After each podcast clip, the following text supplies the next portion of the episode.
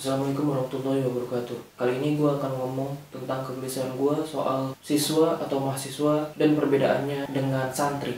Coba lu lihat, siswa atau mahasiswa sekarang tuh sering banget ditegur sama gurunya untuk suruh diam tapi coba lu bandingkan dengan santri-santri di pondok pesantren ataupun majelis taklim. Mereka jarang sekali ditegur gurunya karena ngobrol atau karena nyeletuk gitu. Padahal siswa ataupun mahasiswa ataupun santri mempunyai ilmu. Tapi kenapa mereka bisa berbeda? Menurut gua itu karena siswa atau mahasiswa kekurangan adab. Sedangkan santri sebelum dia mempelajari ilmu, dia mempelajari soal adab. Bahkan dalam mempelajari ilmu tersebut dia juga mempelajari adab. Itulah mengapa santri-santri di pondok pesantren ataupun majelis taklim mereka lebih memperhatikan memperhatikan gurunya dan lebih menghargai gurunya dibanding siswa atau mahasiswa. Ini yang seharusnya menurut gue menjadi teguran kepada pemerintah supaya mereka mau memikirkan soal adab lagi memikirkan soal agama lagi. Saya Bailam Sulaiman selamat beraktivitas